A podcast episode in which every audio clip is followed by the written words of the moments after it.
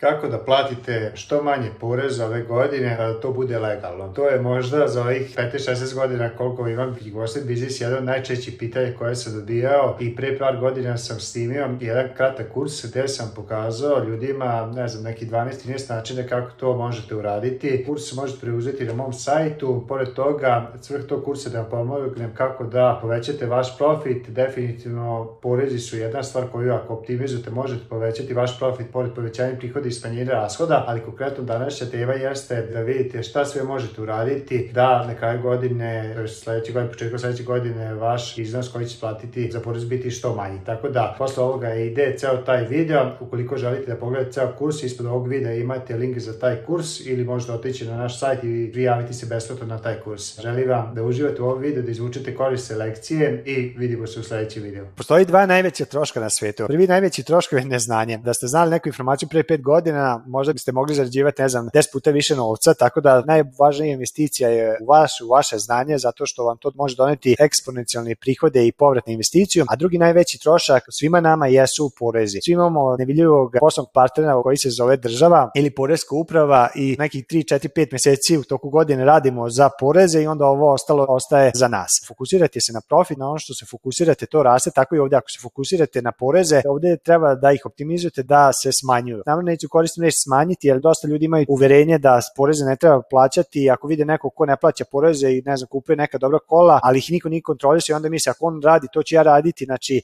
po meni to nikad nemojte stavljati da novac bude ispred vašeg mirnog sna ili nekog duševnog mira, to ja tako gledam, nema varen, ali postoji način kako da legalno plaćate manje poreze. Ovde sam stavio nekoliko stavki i sad ću to podeliti. Želim da razumete da porez je proporcionalno vašim prihodima i on je drugi vaš najvažniji broj koji morate pratiti pored profita zato što ako plaćate plaćate recimo 10.000 ne znam, evra poreza godišnje, to znači recimo ako je porez 10%, da ste ostvarili 100.000 evra te oporezive dobiti, 10% plaćate poreza, 90.000 ostaje vama. Ali ako kažete 100.000 da ste platili porez, to znači da vam je bio recimo ta opreziva dobit milion evra i onda vam ostalo 900.000. Tako da nemojte se fokusirati na apsolutan broj koji plaćate, nego gledajte relativno koliko vama ostaje. To je nešto na šta želim da budete svesni. I nemojte praviti ovu grešku da recimo ako vidite da vam je porez na kraju godine velik, da trošite ne znam 100 dinara da biste nabavili kupili neku opremu kako biste uštedili 15 dinara poreza, jer to je bespotrebno. Znači 15 dinara uštede poreza, ali bacate 85 dinara koji ostaje vama. I to sam video iz iskustva, dosta ljudi to rade samo da po svaku cenu ne bi platili porez. A što se tiče konkretnih taktičkih stvari, ja sam ovde stavio spisak pa da krenemo. Znači, prva stvar jeste struktura firme. Znači, nije svaki struktura firme najbolje za vaš tip poslovanja. Ukratko, znači da imamo kod nas, recimo u Srbiji, imamo deo preduzetnika koji vodi poslovne knjige i paušalac. Ako ste neko ko zarađuje, ne znam, 1000 evra mesečno čisto, nemate imate neke velike troškove, a godišnji promet vam je manje od 50.000 evra i prolazite onaj test samostalnosti, onda je definitivno preporuka da budete paušalni obveznik. Ako tek počinjete, testirate vodu, nemate nerazađene prihode, nemate kupce, idite sa preduzetnikom, jer opterećenje vam je 10%. Ako imate neku dobit, ako nemate dobit, ne plaćate ništa, imate mogućnost da ga zamrznete, ako imate prazne mesece, kako se lako otvara, lako se i zatvara i možete prerasti u DO, ako ste ozbiljnija firma i ako je važno da razgraničite svoju ličnu imovinu od poslovne imovine imovini da ne snosite vi rizik ako se nešto desi. Ako imate veliki broj zaposlenih, dosta poslovnih partnera, veliki je novac se obraća, onda je preporuka DO i tu plaćate porez 15%, to je porez na dobit i vi kao vlasnik ako hoćete da podignete svoju dividendu, onda plaćate još dodatnih 15% porez na prihoda kapitala, odnosno kada se preračuna izađe oko 18%, što znači da biste izvukli preko DO svoj novac izađe oko 33%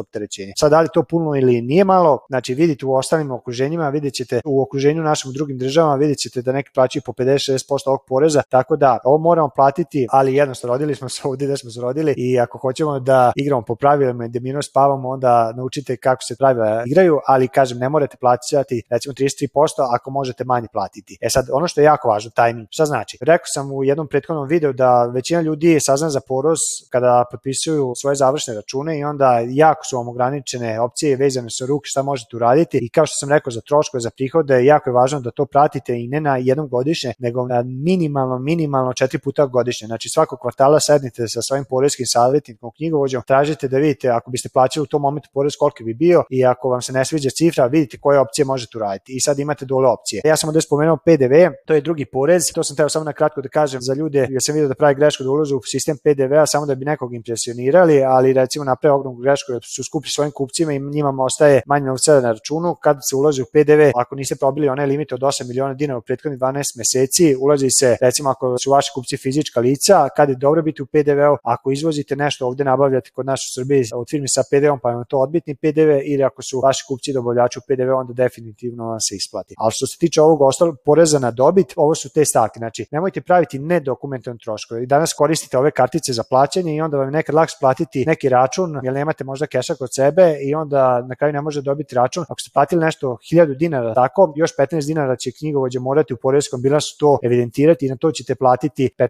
poreza. Tako da bilo koji trošak, ako je poslovni trošak, provucite ga kroz firmu, ali je važno da ga dokumentujete, znači tražite račune. Druga stvar, neposlovni troškovi. Jedna stvar je ako tražite račun, a druga stvar je da vam se taj trošak priznaje ili ne priznaje. Priznaje vam se ako je vezan sa onim što radite, ako je vezan za ostvarivanje prihoda, ako nema veze sa vašim poslovanjem, ako plaćate svoje lično letovanje, to vam se isto neće priznati kada knjigovođa bude predavao poreski bilans na kraju godine, platit ćete 15% poreza na to. Tako da na to trebate obratiti pa pažnju. Imate neke stavke koje se ne oporezuju i oni se zovu neoporezivi troškovi, recimo po zakonu svako mora za zaposlene plaćati troškove za dolazak i odlazak na rad i imaju neki iznosi koji su neoporezivi, pa tako da možete to koristiti za plaćanje ili na primjer za edukaciju studenata ili svoje dece, ima isto neoporezivi iznos na koje ništa ne plaćate. Ima još nekih 10-15 stavki koje možete vidjeti, kažem, ja vam dajem smenice, ali vi treba ovo da prođete sa svojim knjigovođom da biste znali kako da optimizujete svoje poreze. Olakšice subvencije, poreze i doprinosi na zarade zarade, posebno doprinosne zarade su velika stavka za sve nas i danas država daje subvencije olakšice i proverite da li za svakog zaposlenog imate pravo na neke subvencije olakšice, kao što je na primjer 65% već 6-7 godina traju subvencije za novo zapošljavanje i jednostavno ja to koristim od 2014 kad je krenuo i dalje to je jedna velika prednost u mom biznisu. Ja plaćam 35%, država mi refundira 65%. Pored toga imate te stare, uvek imaju neke nove olakšice i važno je da pratite. Pozemice osnivača za liktivnost, ako vam je potrebno novac na računu, nemojte praviti prihod prihod, izdavati fakture ili uplaćivati kapital, jer od toga nemate ništa, bolje uplatiti pozemicu kao snivač, kad tu pozemicu uplatite možete posle podići neoporezivo kada bude novca na računu ili ako recimo se desi da budete u plusu na kraju godine, a nemate dovoljno prihoda, može tu pozemicu opisati tako prihodovati i da onda na kraju godine budete u plusu, jer vam to znači da ako ćete bilo kom momentu tražiti neki kredit od banke ili konkurisati za bilo kakav konkurs, važno je da ste poslovali pozitivno i ovo je neki način kojim možete iskoristiti pozemicu. Prekrižavanje, šta to znači? Imate porez na PDV, porez na dobit, porez na zarade, imate nekoliko računa kod porezke uprave i neka se možete iskoristiti da ne plaćate iz svog džepa neki porez recimo za PDV, ako imate porez na računu porez na dobit preplatu, pa možete podneti zahtjev da taj porez se plati za taj dugovni porez za PDV, bonus na zarade, najveća stavka, rekao sam da su zarade i posebno doprinosi, ali ima određen procenat doprinosa preko koga su oni fiksni i recimo ako isplati, ne znam 100.000 neto zaradu, vi ćete platiti državi 60-65.000 poreze doprinosa i tu je opterećenje oko 60-65%, a ako isplatite zaradu od milion dinara sebi, onda će vam opterećenje biti oko 240-250.000 zato što su ti fiksni doprinosi za te zarade. Tako da to je još jedan način kako možete optimizovati poreze i jedna isto stvar koju možete iskoristiti ako ste imali gubitke možda u nekom prethodnoj godini i recimo sad ste poslali dosta pozitivno, ovo možete iskoristiti ako recimo porez bio 100.000 recimo da platite, a imali ste gubitak prethodne godine 50.000, hiljada ili prethodnih 5 godina, pošto imate pravo da iskoristite gubitak iz prethodnih 5 godina, onda nećete platiti porez na tih 100 hiljada, nego možete tih 50 hiljada prikazati kao gubitak iz prethodnih godina i vaša ta porezka osnovica će biti 50 hiljada i na to ćete platiti porez. Ovo je dosta kompleksna tema, ja se trudim, kažem, samo da vam dam te neke ideje, smenice, da budete svesni toga, predlažem da ovo prepustite nekom ko ovim se bavi, ali shvatite da ne morate plaćati poreze po svaku cenu maksimalne, važno je da vidite koje opcije imate, koje karte su vam podeljene, i kako da najbolje odigrate s njima pomoću ovih nekih ideja koje sam dao. Nadam se da vam je ovo bilo korisno, da ste dobili neke ideje koje vi ili vaš knjigovođa može privediti. Ukoliko želite da moja knjigovostana agencija pomogne, mi imamo u tri grada u Novom Sadu, Beogradu i Dišu agencije, možete se tamo javiti i onda vam pomoći da implementirate brže ove stvari. Za danas toliko, vidimo se sledeće nedelje sa novim temama u vezi biznisa.